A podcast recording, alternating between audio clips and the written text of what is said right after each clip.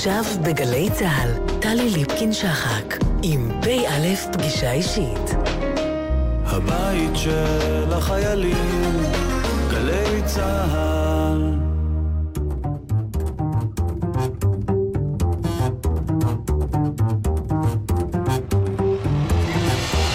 כמה דברים שאתם צריכים לדעת על הדוקטור אריק כרמון. הוא נולד ב-1943 בירושלים, בן יחיד להורים חלוצים אנשי העלייה החמישית, ולמד בתיכון בית הכרם. בנעוריו היה חבר בתנועת הנוער הלומד החלוצי בארץ ישראל. בצבא שירת בגדוד 50 של הנחל המוצנח, ונשאר שם כשנה וחצי לתפקיד פיקודי. בשנת 64, כשהיה במילואים, נפצע בגבו בעת שצנח, והוכר כנכה צה"ל. כרמון למד באוניברסיטה העברית לתואר ראשון בהיסטוריה ופילוסופיה ולתואר שני בהיסטוריה. בשנת 1970 החל לעבוד באוניברסיטת וויסקונסין על עבודת הדוקטורט שלו, שעסקה בחינוך גבוה בגרמניה הנאצית. לאחר שקיבל את הדוקטורט, עמד בראש המחלקה לכתיבת תוכניות הלימודים במשרד החינוך. אחר כך היה יועץ חינוכי ומנחה בתוכנית במעגל פתוח בטלוויזיה החינוכית, יושב ראש הוועדה הלאומית לאימוץ חינוך דמוקרטי ודיקן המכון ליחסי ישראל והתפוצות באוניברסיטת תל אביב. בשנת 1990 ייסד הדוקטור כרמון את המכון הישראלי לדמוקרטיה, כגלגול של המכון ליחסי ישראל והתפוצות. בשנת 2009 זכה בפרס ישראל למפעל חיים בשם המכון על תרומה מיוחדת לחברה ולמדינה. היום משמש הדוקטור אריק כרמון עמית בכיר במכון הובר באוניברסיטת סטנפורד ובמרכז הבינתחומי בהרצליה. הוא נשוי, אב לארבעה, סב לשישה ומתגורר בסביון.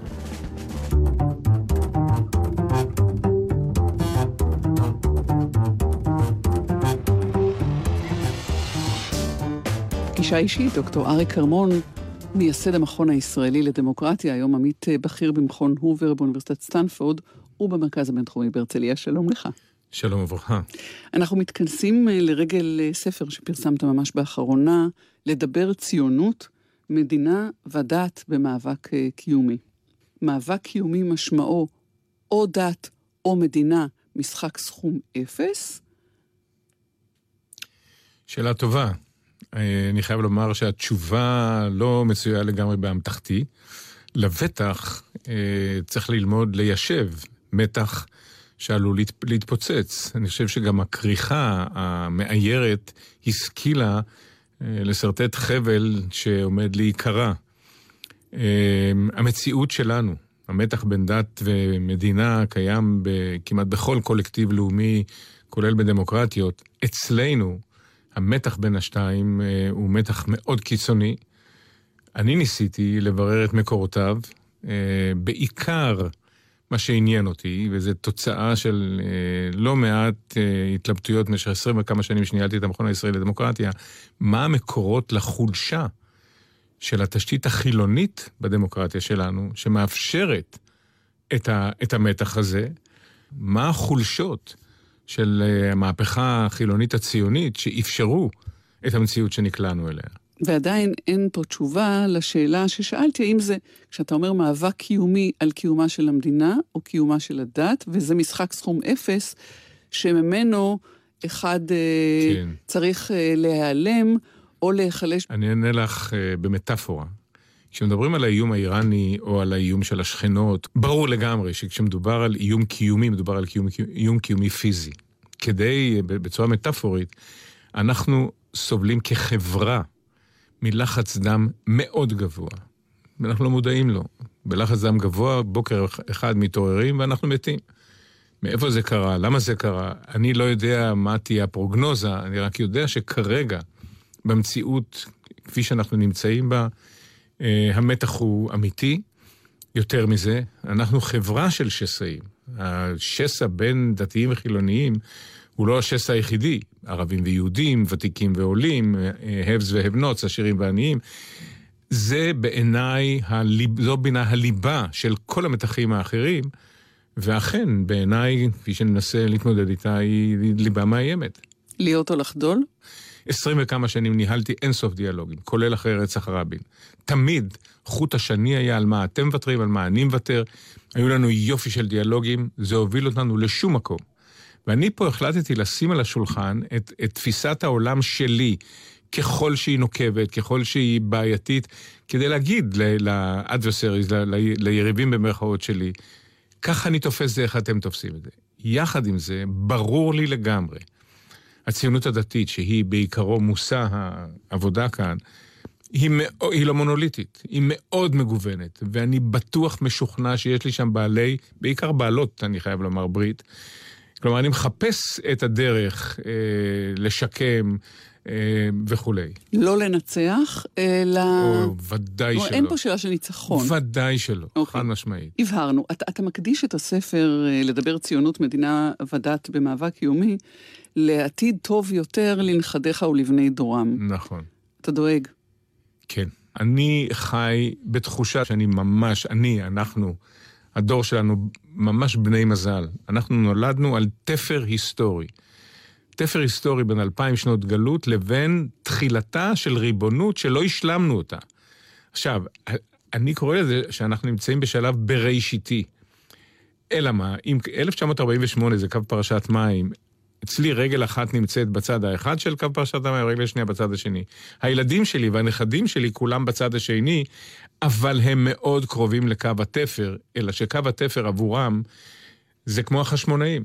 אז זהו, שאתה פונה אליהם, אתה מנסה לדבר לדורות הצעירים, נכון. ואתה אה, רוצה לשכנע אותם או לתת להם את התחושה, נכון. אפילו הדחופה, שמדובר נכון. במצב בראשיתי, נכון. שעוד יש מה לעשות איתו, וממנו צריך לכונן את מה שטרם אה, נכון. אה, ניכון. זה קצת בעייתי, כי העובדה שהדור, בני, בני הדור, הדורות שאתה פונה אליהם, הם לא מבינים שהם במצב בראשיתי. להם המדינה היא דבר מובן מאליו. נכון. יש בזה משהו מאוד נורמלי. המסר שלי, שאני מנסה, מנסה להטמיע אותו, וזה לא קל, בשל כל הדברים שאמרת עכשיו, הוא שאנחנו חברה מעצבת, בשונה מחברה במרכאות נורמלית, שהיא חברה משעתקת, היא חברה שעושה רפרודוקציה של ערכים, של תשתיות תרבותיות, תוך התאמתם למציאות משתנה. לנו אין את הרקע הזה, כולל לילדים ולנכדים שלי. הם לא מבינים את זה. רגע, זה נכון. ולכן אני לקחתי על עצמי כמשימה להתמודד עם זה מולם. אני, ב... מאז שיצא הספר, כבר נפגשתי עם שתי קבוצות של צעירים. אתמול ישבתי אה, בעיריית תל אביב, ואני עומד לשבת עם עוד, בעוד מקומות. אני עומד להיפגש עם הצעירים האלה, ולהסביר להם כמה בני מזל כולנו שאנחנו נמצאים במציאות הזאת, ואיזה שליחות יש להם. להגיד לך שאני אצליח? אה, אני הרבה פעמים אומר, האויב הכי גדול שלנו היום, זה המצב הכלכלי הנוח אה, וכולי. אולי עוד מטאפורה. גם ש... אגב המצב הביטחוני יחסית והביטחוני, הנוח. והביטחוני, כן. אני משתמש כאן בשני מושגים. לפני כמה, כמה וכמה שנים פגשתי חבר משותף שלנו, שמו תום פרידמן. זה היה מחצית שנות, שנות ה-90, שאלתי אותו, תום, מה צריך להיות החזון של המכון הישראלי לדמוקרטיה לעשרות שנים הקרובות? והוא אמר לי, בחמישים השנים הראשונות, מדינת ישראל עשתה פלאים. אני קורא לזה, בנינו את החומרה לדמוקרטיה. אתה קורא לזה, לא תום. אני, כן. אני קורא לזה החומרה. יש לנו בספר. צבא חזק, כלכלה יציבה, פרוצדורות, הכל. גם כאן יש עוד אי אלו פגמים. התוכנה שלנו, סליחה, תפוקה, פגומה. בטח נדבר על זה אה, עוד, אה, רצח רבין כמובן, זה אבן דרך מאוד משמעותית.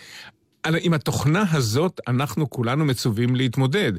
החוזקה של החומרה מעיבה על היכולת לנתח ולהבין את החולשות של התוכנה, אבל זאת המשימה של הספר, זאת המשימה של המשך הפרויקט שאני עדיין עובד עליו.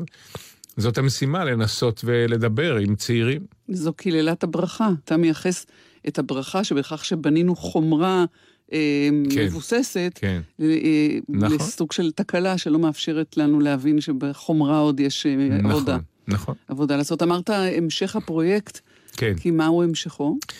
תראי, כשאני סיימתי תפקידי במכון לדמוקרטיה, בחרתי להתמודד בדיוק עם הסוגיות האלה. והספר הזה הוא פרי ראשון של העבודה, והוא בא לשקף מלכתחילה, אני קורא לזה המשנה שלי. ככה אני תופס את המציאות. בד בבד אני עובד על ארבעה מתווים. הדת בחינוך, הדת בצבא, הדת בחקיקה, הדת בפסיקה, הדת בפוליטיקה. אה, כשבארץ, המטרה היא כמובן להבין את המיקום של הדת בכל התחומים האלה. כשאני יושב בסטנפורד, במכון הובר, אני עובד על הממד הבינלאומי. בסוגריים אני יכול לומר לך, כשאני התחלתי לא שערתי שבמהלך השנים זה יהפוך להיות נושא כל כך משמעותי גם בזירה האוניברסלית. כשאתה, זה... כשאתה אומר זה, אתה מתכוון לדת. אני מתכוון לאיומים על הדמוקרטיה בכלל, והקשר בין מה שקורה היום בשפה של, של המקצוענים קוראים לזה Global Populism, פופוליזם גלובלי. יש לדת פתאום תפקיד, כאשר, לאו דווקא לדת הנוצרית במדינות נוצריות, אבל כאשר מופיעה למשל דת חדשה באירופה, אני מתכוון לשריעה, לאסלאם בעקבות גלי הפליטים. בארצות הברית הימין האוונגליסטי מתחזק וכולי. כן, אכן. למרות שבהחלט התמונה שלנו, הזיקה בין דת ולאום במקרה שלנו, היא חריגה, היא שונה, היא מאוד ייחודית. העם היהודי זה העם היחיד שדת הגדירה אותו. מכאן uh, מתחיל כל הקומפלקס של, של הבעייתיות, בין היתר של המהפכה הציונית החילונית. והטענה שמופנית uh, לא מעט כלפיך ותופנה שוב בעקבות uh, הספר הזה, היא שאתה רודף את זכות הקיום של הדת בספירה הציבורית בישראל. לא, לא, לא, אני, עוד פעם, קודם כל אני מאוד שמח על השאלה הזאת. אני הקדשתי שנה ללמוד את הנושא של תהליכי החילון אה, בדמוקרטיות המפותחות, שהן נוצריות מטבע הדברים. התהליך של הסקולריזציה, התהליך של החילון במדינות האלה היה תהליך אבולוציוני שנפרס על פני מאות שנים. עיקרו היה הוצאת האלוהים מספרות ציבוריות מסוימות. אירופה היא נוצרית, 70% מהאירופאים הולכים כל יום ראשון לכנסייה, כך גם בארצות הברית. יש ספרות ציבוריות שהדת לא חלק מהן. הפוליטיקה היא כמובן אחד הדברים המובהקים. התרבות, בתרבות שהפכה להיות תרבות שמבוססת על ערכים אוניברסליים, הומניסטיים וכולי, המדע וכולי, יש מקום כמובן לתפיסות דתיות ולפרשנות דתית, אבל אלה ספרות ציבוריות שבהן מי שדומיננטי זה אני, האדם, הטרנסצנדנטלי, האלוהים, הוא לא חלק מזה, ואם הוא חלק מזה, הוא חלק בשוליים של זה. העם היהודי היה בשולי התהליך ש, שנפרס כאמור על פני מאות שנים, ולכן המהפכה הציונית לא הייתה באקט אבולוציוני, אלא באקט רבולוציוני, ולכן הדפיציט ש, שהמהפכה הזאת גררה איתו, ועם זה אני מנסה להתמודד בספר. אתה אה, טוען שנדמה היה למשך תקופה מסוימת אה, שקיימת ברית בין הזרם החילוני של הציונות לבין הציונות הדתית. במבט לאחור, לא הייתה אף פעם ברית כזאת. אולי כי, כי לא יכולה להתקיים ברית כזאת? או מישהו ניסה ליצור מצג שווא? אמ, אני הייתי בוחר מצג שווא שלא נבע מאיזו כוונה זידונית, מאי-הבנה. תראי, אחד הדברים שמאוד הפתיעו אותי, הרי כפי שאת יודעת, אנחנו עסקנו בניסיון לכונן חוקה במדינת ישראל. אחד הדברים שהיו מאוד תמוהים בעיניי, למה בן גוריון התנגד, אה, התנגד בזמנו לחוקה. חברי הטוב, אה, זאביק צחור, זיכרונו לברכה, הלך מהעולם מוקדם מדי, היה המזכיר האחרון של בן גוריון. ושאלתי אותו, אמרתי לו, תגיד, ההתנגדות של בן גוריון לחוקה נבעה ממה? מהמשימות שעמדו בפניו, גלי העלייה הגדולים וכולי. הוא אומר לי, תתפלא, השליחות של התהליך הציוני לא הייתה לכונן מדינה, היא הייתה לכונן עם. ואכן, במבט לאחור, כשאני מסתכל, בשונה למשל מאבות המייסדים האמריקאים, אבות המייסדים שלנו לא התמודדו עם מושגים כמו מדינה, מדינתיות, הם ניסו לכונן עם. הממלכתיות, שגם אותה אני מבקר, אה, היא מוצר של אי ההבנה של המשמעויות של מדינה ומדינתיות. ולכן אותה ברית של לכאורית, כן, אה, נבעה אולי מהגדרה דומה של, של אותה משימה. דרך אגב, אני מצטט בספר את ברנר, שאומר לרב קוק בצורה מאוד בוטה וחד משמעית, בדיוק מה שאילו אבות המייסדים היו רואים, התמונה הייתה אחרת. הוא, הוא אומר לו, אין שום מקום לציפייה שלך, כן, לראשית צמיחת גאולתנו. עורבא פרח, התהליך הוא תהליך חילוני. זה לא היה הבונטון, זה לא היה במיינסטרים של החשיבה ובפרקטיקה של התהליך הציוני. אני אגיד, דוקטור אריק ארמון, משהו שהוא אולי בוטה ותבוסתני מנקודת ראותך, אבל אתה בא עם ספר ועם תזה סדורה בתקופה שבה אלוהים והדת הם במרכז הספירה הציבורית. ואולי פשוט איחרת את המועד, או שאתה מבין לא נכון תהליכים היסטוריים אה, שהם גדולים ממך, אותו מונח דטרמיניזם היסטורי, ואותו צורך אנושי מקומי וגם אה, עולמי, אה, אוניברסלי, במרכיב הזה, ביום-יום. בואי נצא מתוך הנחה שמה שאת מתארת זה תיאור של המציאות. אני יכול לומר אותו דבר בין שתי מלחמות עולם, הייתה, הייתה מציאות מסוימת. הייתה צמיחת הפשיזם, לא שאני עושה השוואות כרגע. הייתה צמיחה של הפשיזם, היה איום אמיתי על החירות האנושית.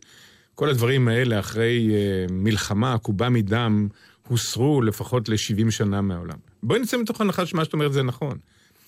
אבל אני אומר את הדבר הבא, האדם, האישיות הדמוקרטית, והיא התנאי להמשך קיומה של מדינת ישראל כחברה יהודית ודמוקרטית, בנויה על הצד הרציונלי.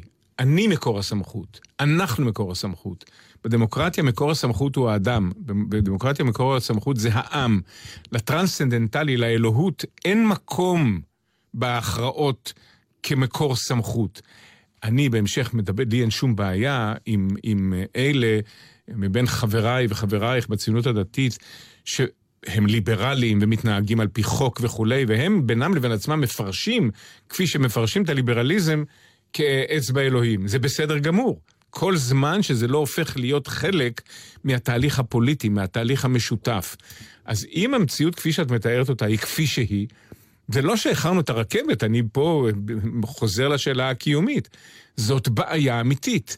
יותר מזה, אני פה, אה, בספר למעשה ישנם, אם את רוצה, שתי קטגוריות, אבל ישנה קטגוריה שלישית. זאת אומרת, זה לא רק דיון במקורות של הפגיעות של התשתית החילונית, או במהפכת הנגד הדתית. אני מקדיש לא מעט דפים למה שאני קורא אתוס ההישרדות. האיום החיצוני הוא חלק בלתי נפרד מהוויית חיינו, כפי שאת יודעת. האיום החיצוני הזה יוצר פחדים, יוצר, פוגע בביטחון העצמי, פוגע באותם יסודות שמאפשרים לרוב החילוני כאן להאיר עיניים ולהגיד, חברים, להיות uh, חילוני, להסתמך על הרציונלי, זה לא תמיד קל. אין לי גורם שאני יכול להישען, שיכול להחליט במקומי וכולי.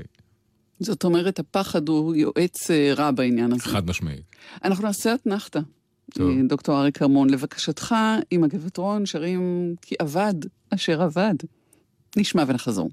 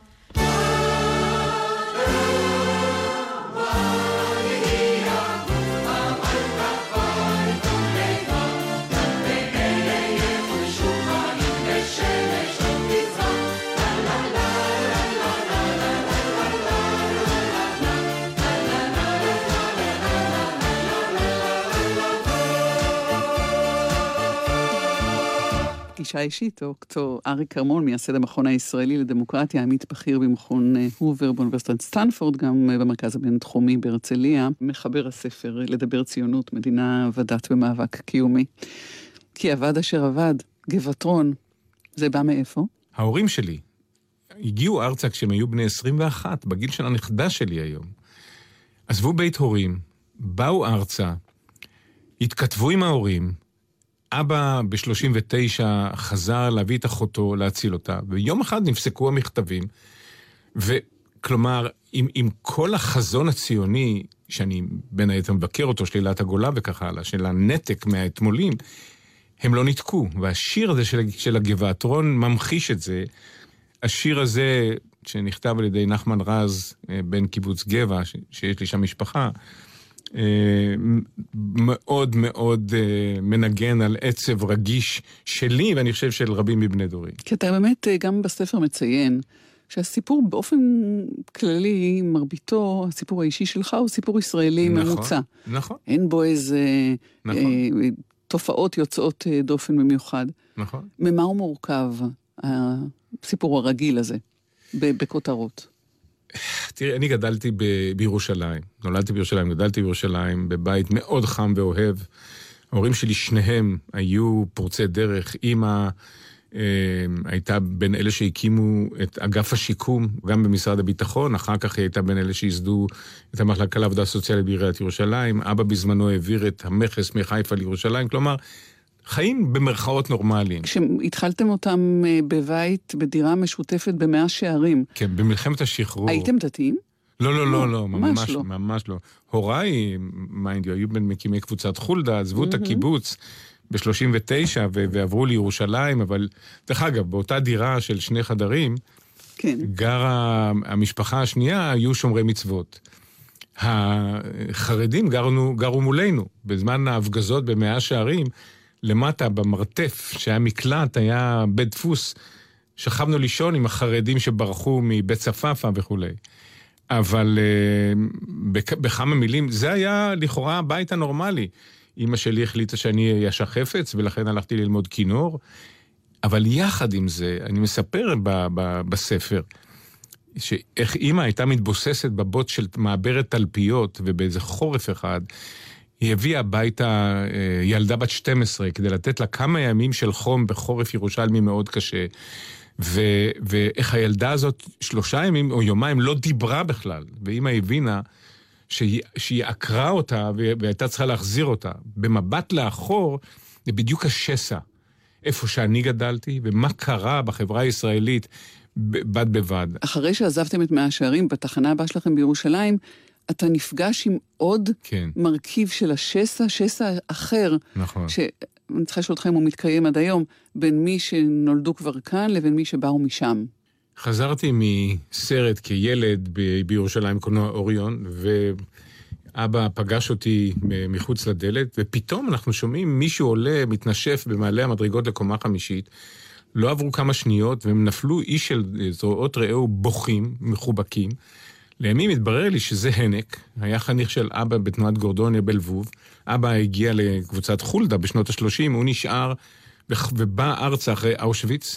הוא פגש את פנקה, אה, והם באו עם שני ילדים, אה, מאיה ומונק. ההורים עזרו להם להשתקם.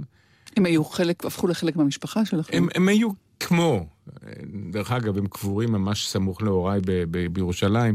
מאיה היא בת גילי.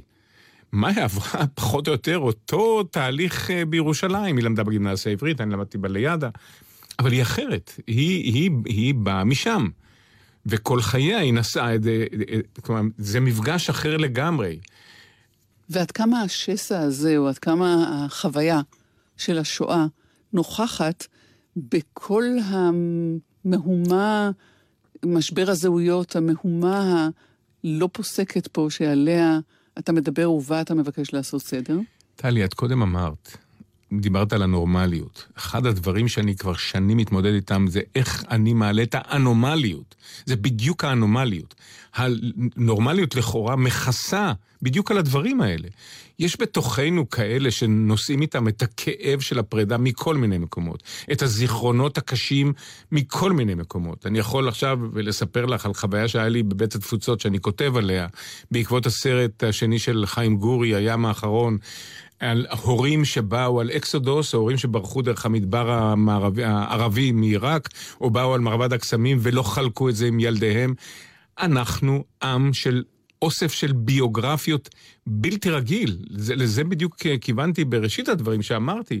אנחנו חלק מקו התפר ואנחנו לא רואים את קו התפר. איך נלמד להלך על התפר שבין אה, התמודדות עם האנומליות האלה, לבין הנטייה והדחף האנושי לשאוף לנורמליות, כן, ללכת אבל... הלאה. היה לי ויכוח עם א' ב' יהושע כשהוא כתב את הספר בזכות הנורמליות. לא רע להטמיע את האנומליות. האנומליות יוצרת תחושה של בראשיתיות, של היכולת להסתכל קדימה ולתת ולתרום, אני חושב. זאת אומרת, יש משמעות להטמעת האנומליות. מה בביוגרפיה שלך, שאמרנו, סיפור ישראלי בסך הכל רגיל, אבא שלך נפצע לא בצורה קשה, אבל במלחמת העצמאות. כן, הוא היה שייך לשי של ההגנה, והיה עוצר בירושלים, והוא חצה את רחוב יפו שנקרא בווינגרד, וצלף מהאריה שבבניין ג'נרל ירה בו, ונפצע ברגל. שזה לא היה דרמטי, אבל אולי גם משם, או מהתפ... כשהגיע התור שלך כן. לתרום, גם למרות שאתה בן יחידי, אתה הולך לצנחנים. אני הולך לצנחנים, ובמישור האישי, איזה מפקד עשה טעות בזמנו, אה, בנים יחידים היו צריכים להביא אישור מההורים רק אם הם לא רוצים ללכת. והוא אמר לי שאני צריך להביא אישור מההורים, ובאתי לאבא. אבא ישב בהנהלת המכס, וביקשתי ממנו, והוא פרץ בבכי והוציא נייר וחתם לי. אחר כך, כשבאתי אחרי קורס צניחה, ירדתי בקו 12 באוטובוס, אז כבר גרנו בבית הכרם, אמא ראתה אותי. היא לא הכ... היא הכירה אותי ולא רצתה להכיר אותי עם הכומתה האדומה. כן, אבל זה היה חלק מ... משגרת חיי לימים, חברי הטוב ביותר, שאול שלו, שנהרג במלחמת יום הכיפורים, לפני שנהרג, למדנו יחד, הוא חזר לצבא, הוא היה בסיירת שקד, הוא חזר לשריון, הוא אומר, בוא'נה, אין לי כנפיים. אמרתי לו, קח את הכנפיים שלי. זה, זה סיפור, חלק מה, מהסיפור שלי. גם הוא בן יחיד, גם היה, הוא בן נכון? יחיד. גם הוא היה בן יחיד. והחברות ביניכם החלה בלימודים. הבחירה שלך בלימודים, אה, אה, כשהלכת אה, לאוניברסיטה ועשית תואר ראשון בהיסטוריה ופילוסופיה, ואחר כך המשכת בהיסטוריה. גם היית יועץ חינוכי בבית הספר בויאר בירושלים. ממה, ממה היא נובעת? ההבנה שמה חשוב בשביל החיים? היה אירוע אחד קריטי, וזה משפט אייכמן. הייתה עדות מאוד משמעותית. דרך אגב, הוריי הכחישו, הם לא הקשיבו ל, ל, ל, למשפט אייכמן. אני הייתי מרותק לרדיו ב, ל, בכל העדויות, זו הייתה תקופה של אה, שביתת מורים. אחת העדויות הכי מצמררות הייתה של אה, יהודי בשנות ה-30 לחייו, היה פרופסור אה, לאופטיקה בארצות הברית, שמו היה וולאס נדמה לי. ועדות מצמררת, זה היה ביום שלישי. ביום רביעי, אבא אומר, תשמע, אני שמעתי שמישהו מהעיירה שלי נמצא בארץ, הוא התקשר לגדעון האוזנר, שכמו ההורים שלי בא מלבוב, וביום שישי דופקים בדלת, ואותו עד עומד עם פרחים ובא אלינו לארוחת שבת. כמובן שהייתה נוסטלגיה, דיברו על אה, רייזל ומוישלה והנגר שהיה בצד הזה. וכולי, ואז בשלב מסוים אמרתי, חבר'ה, אני מתנצל, אני הולך לליל שבת בתנועת הנוער. שואל אותי, מה זה תנועת הנוער? אמרתי, תנועת הנוער, תנועה מאוחדת, הולכים לקיבוץ, מה זה קיבוץ? ברגע שנשמעה המילה סוציאליזם, התחיל ויכוח אידיאולוגי נוקב. בן כמה אתה אז? 18. אה, ואני חייב לומר, כשהייתי בצנחנים, וצנחנו בנגב, היינו הולכים בשממות, התמונה של שישה מיליונים שאינם, והשיח הזה, ניתב אותי אה, להיות היסטוריון של גרמניה הנאצית, ובזה, אכן הדוקטורט שלי הוא בתחום של, של גרמניה הנאצית. בחינוך. לא, הנושא היה חינוך גבוה בגרמניה הנאצית, זאת אומרת, אה, זה היה במסגרת של היסטוריה אינטלקטואלית. לימים אני הפכתי את הנושא של הוראת השואה למוקד חשוב בחיי. כן. אבל כן. לפני זה, חינוך התיבה הזאת, חינוך, המונח הזה, חינוך. כן. אתה גם יועץ חינוכי בבית ספר בויאר בירושלים באיזשהו שלב. הייתי מדריך, כן, מדריך בפנימיית בויאר, כן. שזה אומר שאתה מבין את הערך של חינוך. כן, חד משמעי. ואתה את הדוקטורט עושה על החינוך הגבוה בגרמניה הנאצית כדי להבין מה? כדי להבין איך נקלעת חברה שהתרומה שלה לתרבות האנושית, לאינטלקט האנושי, הייתה כפי שהייתה, אל תוך אה, בינוניות נוראה. ומה המתח ביניהם, ולכן הדוקטורט שלי היה, בחרתי לעשות, לעשות על אוניברסיטה מאוד משמעותית, אוניברסיטת היידלברג, בין 30 ל-35, וזהו, זה היה, הייתי בין אלה שפרצו דרך ב, ב, בתהליך הזה. מה הבנת? שאלה מאוד מעניינת, את יודעת, גם את זה אני אספר לך בצורה אנקדוטלית. אני פגשתי את חנה ארנדט. חנה ארנדט הייתה תלמידה של אה, פרופסור באוניברסיטת אה, היידלברג, קרל יספרס. אבל חנה ארנדט, יש לה סיפור עם היידגר באוניברסיטה אחרת. ובאתי אליה לראיון בביתה בניו יורק, והיא בין היתר אמרה לי, בחור צעיר, דרך אגב, בהתחלה הייתה לה הסתייגות ממני, אה, ישראלי. מהר מאוד הסברתי לה שהספר שלה, אייכמן בירושלים, אה, על אה, סיפור, סיפור על הרוע, אני מאוד אה, הסכמתי עם הדברים שלו. בקיצור, היא העמידה אותי על המשמעויות של טרור ב, ב, באווירה הנאצית וכך הלאה. תראי, מה שקורה, מה, את שואלת אותי מה, מה למדתי, המון דברים. יש משקל, ואני רואה בזה שליחות, יש שליחות לאליטה ש, שרוצה להעביר ולהנחיל ערכים, והשליחות הזאת היא להתמודד עם, עם אותם ערכים שאנחנו מאמינים בהם. הכשל הגדול בגרמניה היה כשל של, של אה, אותן אה, אליטות אה, וכולי. ולכן תפקידן של האליטות גם לכתוב ספר שהאליטות יקראו, כי הספר שלך כתוב גבוה. טלי, את צודקת. יחד עם זה, אני לא יודע לפשט אותו. תראי, כל חיי במכון לדמוקרטיה, העבודה הייתה top down. אני מנסה היום ללכת בוטום אפ. המפגש שלי עם צעירים יהיה בראש ובראשונה עם צעירים שאני מאמין שהם אליטות, כן? נכון? אמרת צעירים, ביקשת את הצ'יזבטרון, נעשה אתנחתא ונשמע לבקשתך את הפלמחניק מחפש את המחר. גם אנחנו. נשמע ונחזור. במדבר, אבל אנחנו נספר על זאת עליי. איך הפלמחים מחפש את המחר, איך הפלמחים למחר נושא עיניי.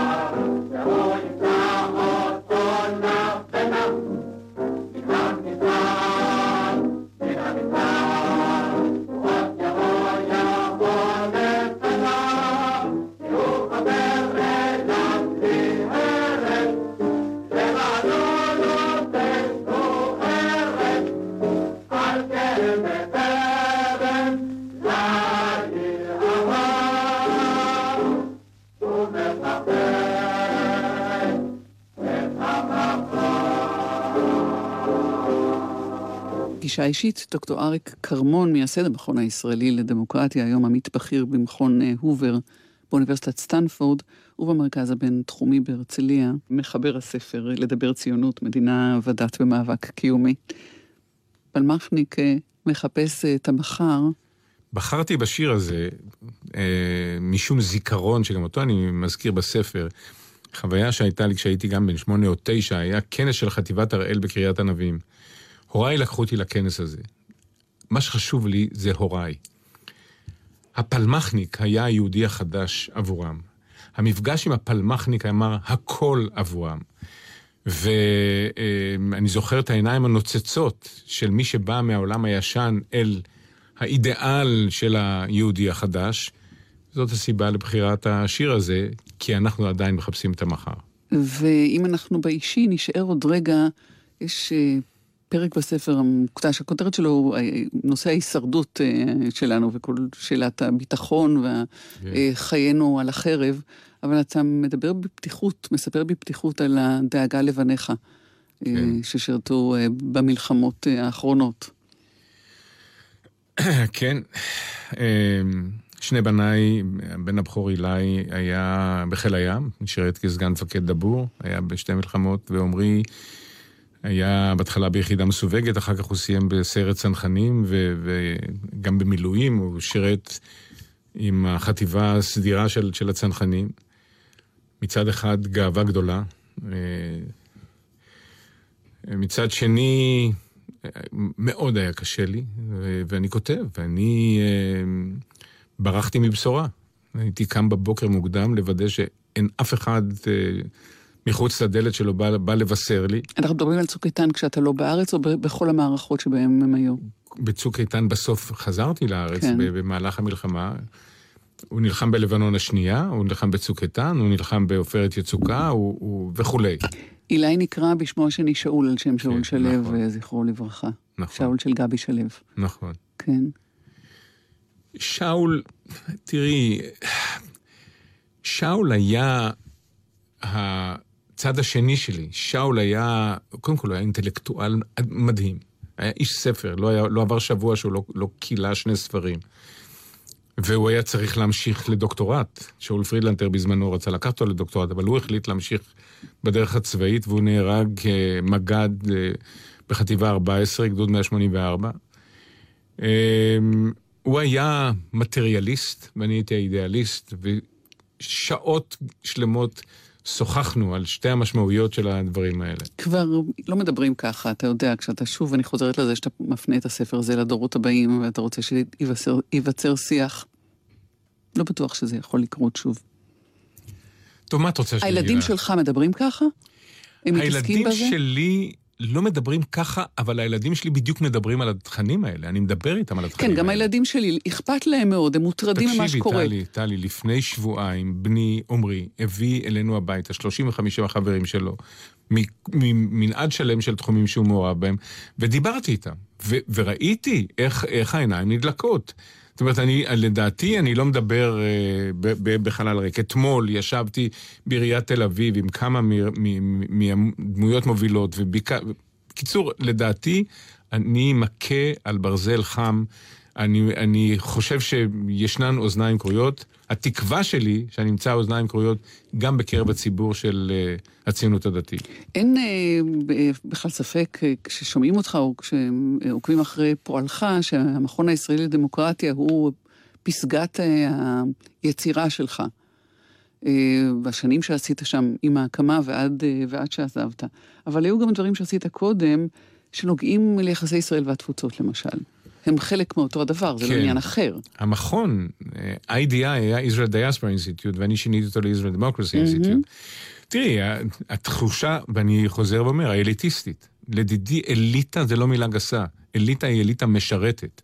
התפקיד כאליטה הוא אליטה משרתת. אני חשבתי בזמנו, אז הייתי עוד באוניברסיטת תל אביב, לגייס את האליטות של העם היהודי להשתתף בתהליך הכינון והבנייה של ריבונות יהודית במדינה של העם היהודי. ושם, גם שם אולי החמצנו את השעה בשל הפערים שנוצרו בין אה, מרבית אה, העם היהודי בתפוצה שהוא איננו אורתודוקסי או... אנחנו נכנסים עכשיו לי... לעוד שעה של אה, שיחה. אז תן לי כותרת. כותרת.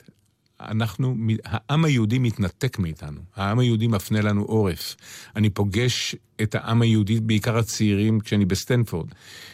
מגיל 50 ודרומה, אלה אנשים שמדינת ישראל פחות ופחות מעניינת אותם, וכדאי שנדע את זה.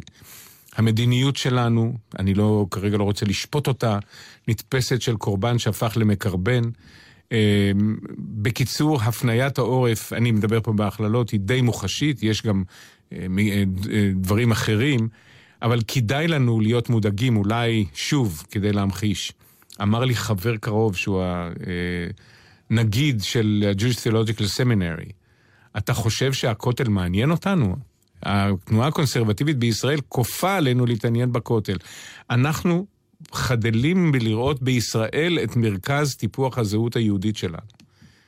ואת זה צריך אה, לדעתך לעצור, ועוד אפשר. ודאי שאפשר. אני חושב שהמסרים שלנו, האנומליה שלנו היא דבר שאנחנו צריכים לשתף אותו.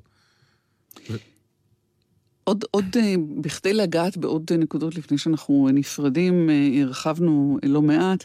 אתה מכהן כיושב ראש הוועד המנהל של בית לוחמי הגטאות. זה מחזיר אותנו לחיבור, נכון. אחד ממרכיבי הפסיפס הזה שקוראים נכון. לו ההוויה הישראלית. נכון. תראי, הם פנו אליי, ואני אמרתי להם שאני מוכן לקחת את זה על עצמי, אבל התנאי שהם קיבלו אותו מיד היה איך אנחנו מנסחים, אה, איך אנחנו מתמודדים עם המקום של השואה בתודעה של, של הדורות בעוד דור, בעוד שניים. ואנחנו היום מתמקדים, השואה כתמרור אזהרה. מה יקרה בעוד דור? איך אנחנו אה, רואים בשואה את תחתית של רצף מידרדר של רשע, אה, ואיך, ואיך אנחנו מתמודדים איתו מצד אחד, ומצד שני, דבר שהציק לי כל חיי, אה, תפיסת היהודי. אנחנו לא התמודדנו עם, עם אסון של חורבן התרבות היהודית. מה הלך לעם היהודי לאיבוד? ברמז, בוורשה ערב השואה היו 356 אלף יהודים. יותר מסך כל היהודים בצפון אפריקה. ואידך זיל גמור. הצד השני של הסוגיה הזאת הוא השאלה, האם ההיסטוריה עלולה לחזור על עצמה ביחס ליהודים בתפוצות? היינו אנטישמיות. אמ, אני, אני, שאלה מצוינת. אני, האמת, אני פחות מוטרד, אני לא, לא, לחלוטין לא מוטרד, פחות מוטרד מהסוגיה הזאת. השליחות שלנו, כעם ששיקם את עצמו, כעם שכונן ריבונות, כעם שחייב להנציח לא את זיכרון השואה, אלא את, את לקחי השואה, זה להתמודד עם האיומים על החירות של האדם.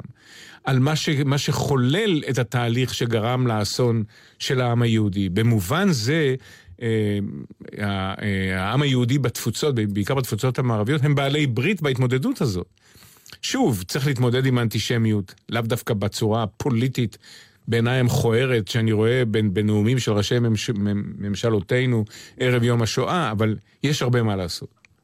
תגיד, איך אתה מגדיר את עצמך, אריק כרמון?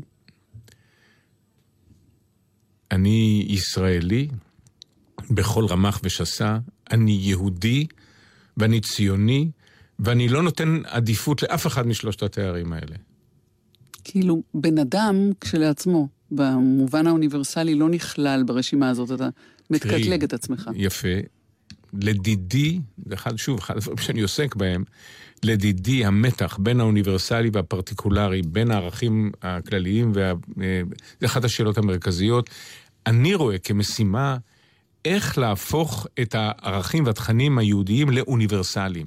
מה המצע האוניברסלי ההומניסטי של הערכים האלה? במובן זה אני רואה את עצמי אה, הומניסט, ובמובן זה אני כיהודי רואה את השליחות שלי אה, לתרום לממד האוניברסלי. אני גם כותב, אני חושב שאחד הדברים הגדולים בציונות זה הייתה דיאלקטיקה בין אור לגויים וככל העמים, לא זה או זה. ביקשת, ועם זה אנחנו נפרדים, את אה, שירו של וולט ויטמן בביצועה של אה, מיטל טרבלסי בתרגום, או במילים עבריות אה, של נעמי שמר, גם לחן שלה, הו רב חובל, לא במקרה. רצח רבין משחק תפקיד מאוד משמעותי בתודעה שלי, שנים שאני ניסיתי להטמיע שרצח רבין לא היה מעשה ידיו של אדם אחד. שנים אני מתמודד, ובספר אני נותן לזה פרק אה, לחלוטין לא קטן, לעובדה שיגאל עמיר צמח על קרקע מאוד פורייה, והניסיון הוא ניסיון לרצוח את הדמוקרטיה. אנחנו מסיימים איפה שהתחלנו.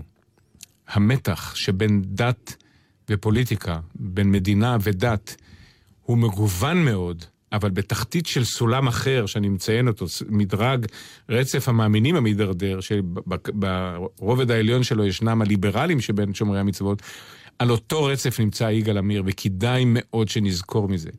רצח רבין חייב להיות מוטמע בתודעה של כולנו. לצערי, אנחנו לא הטמענו את זה.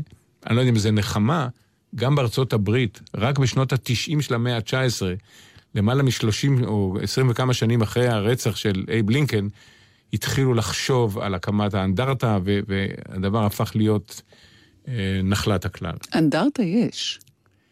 אנדרטה לא במובן המטריאלי, אנדרטה במובן הזה שרצח רבין הוא אבוקה שחייבת להנחות את ההתמודדות שלנו. אנחנו רחוקים מזה ת"ק פרסה.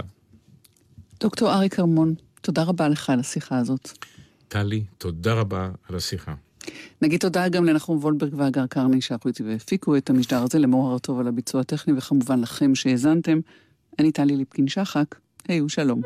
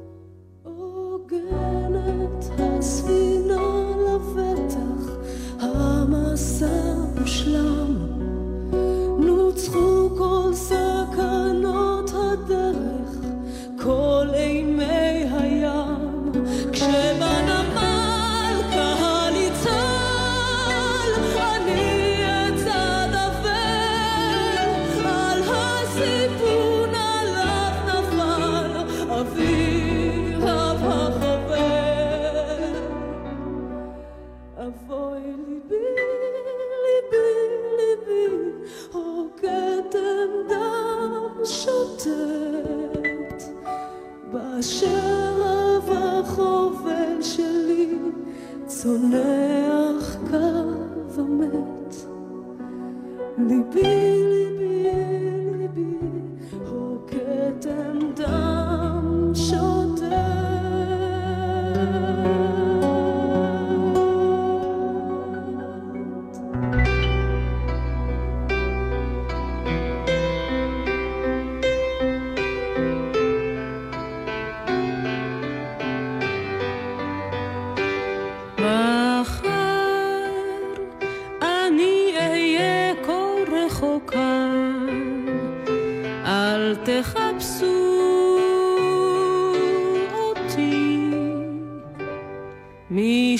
da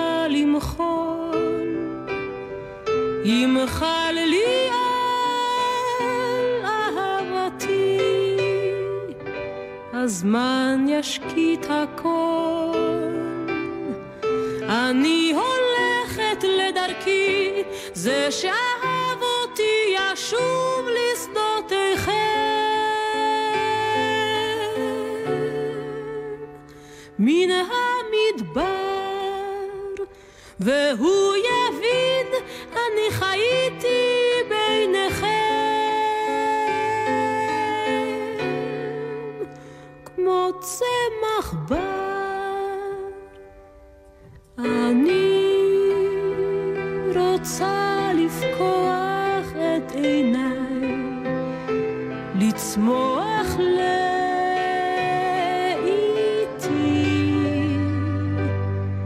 הרביתי לחלום, החלומות טרפו אותי. רציתי לנחם, אבל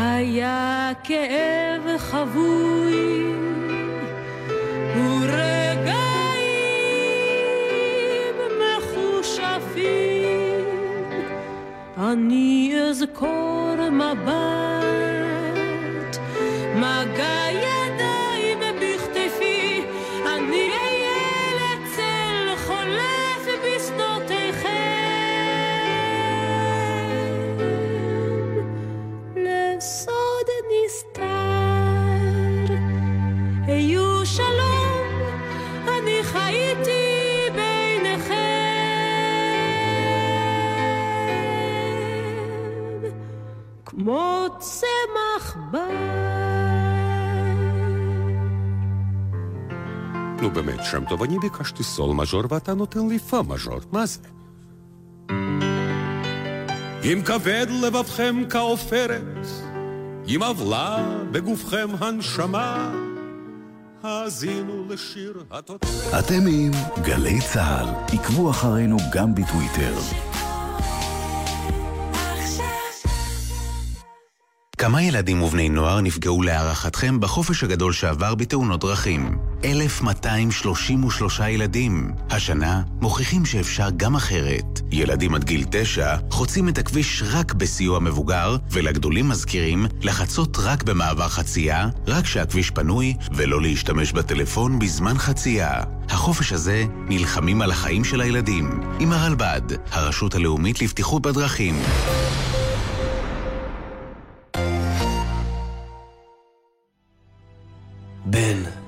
אני רוצה שתעשה את מה שאני לא הספקתי. חכה לקו 90. אני בטוח שבסוף הוא יגיע. לא, אבא! לא! שני מיליון ורבע הישראלים הנוסעים מדי יום באוטובוס וברכבת, התוכנית הזו בשבילכם. יהיה בסדר, בשידור מיוחד מהכנסת לרגל יום התחבורה הציבורית. אתם מוזמנים לפנות לדף הפייסבוק של התוכנית ולדואר האלקטרוני אוקיי כרוכית glz.co.il. יהיה בסדר בתחבורה הציבורית. שלישי, שתיים בצהריים, גלי צה"ל. מיד אחרי החדשות, תוכנית מציאות.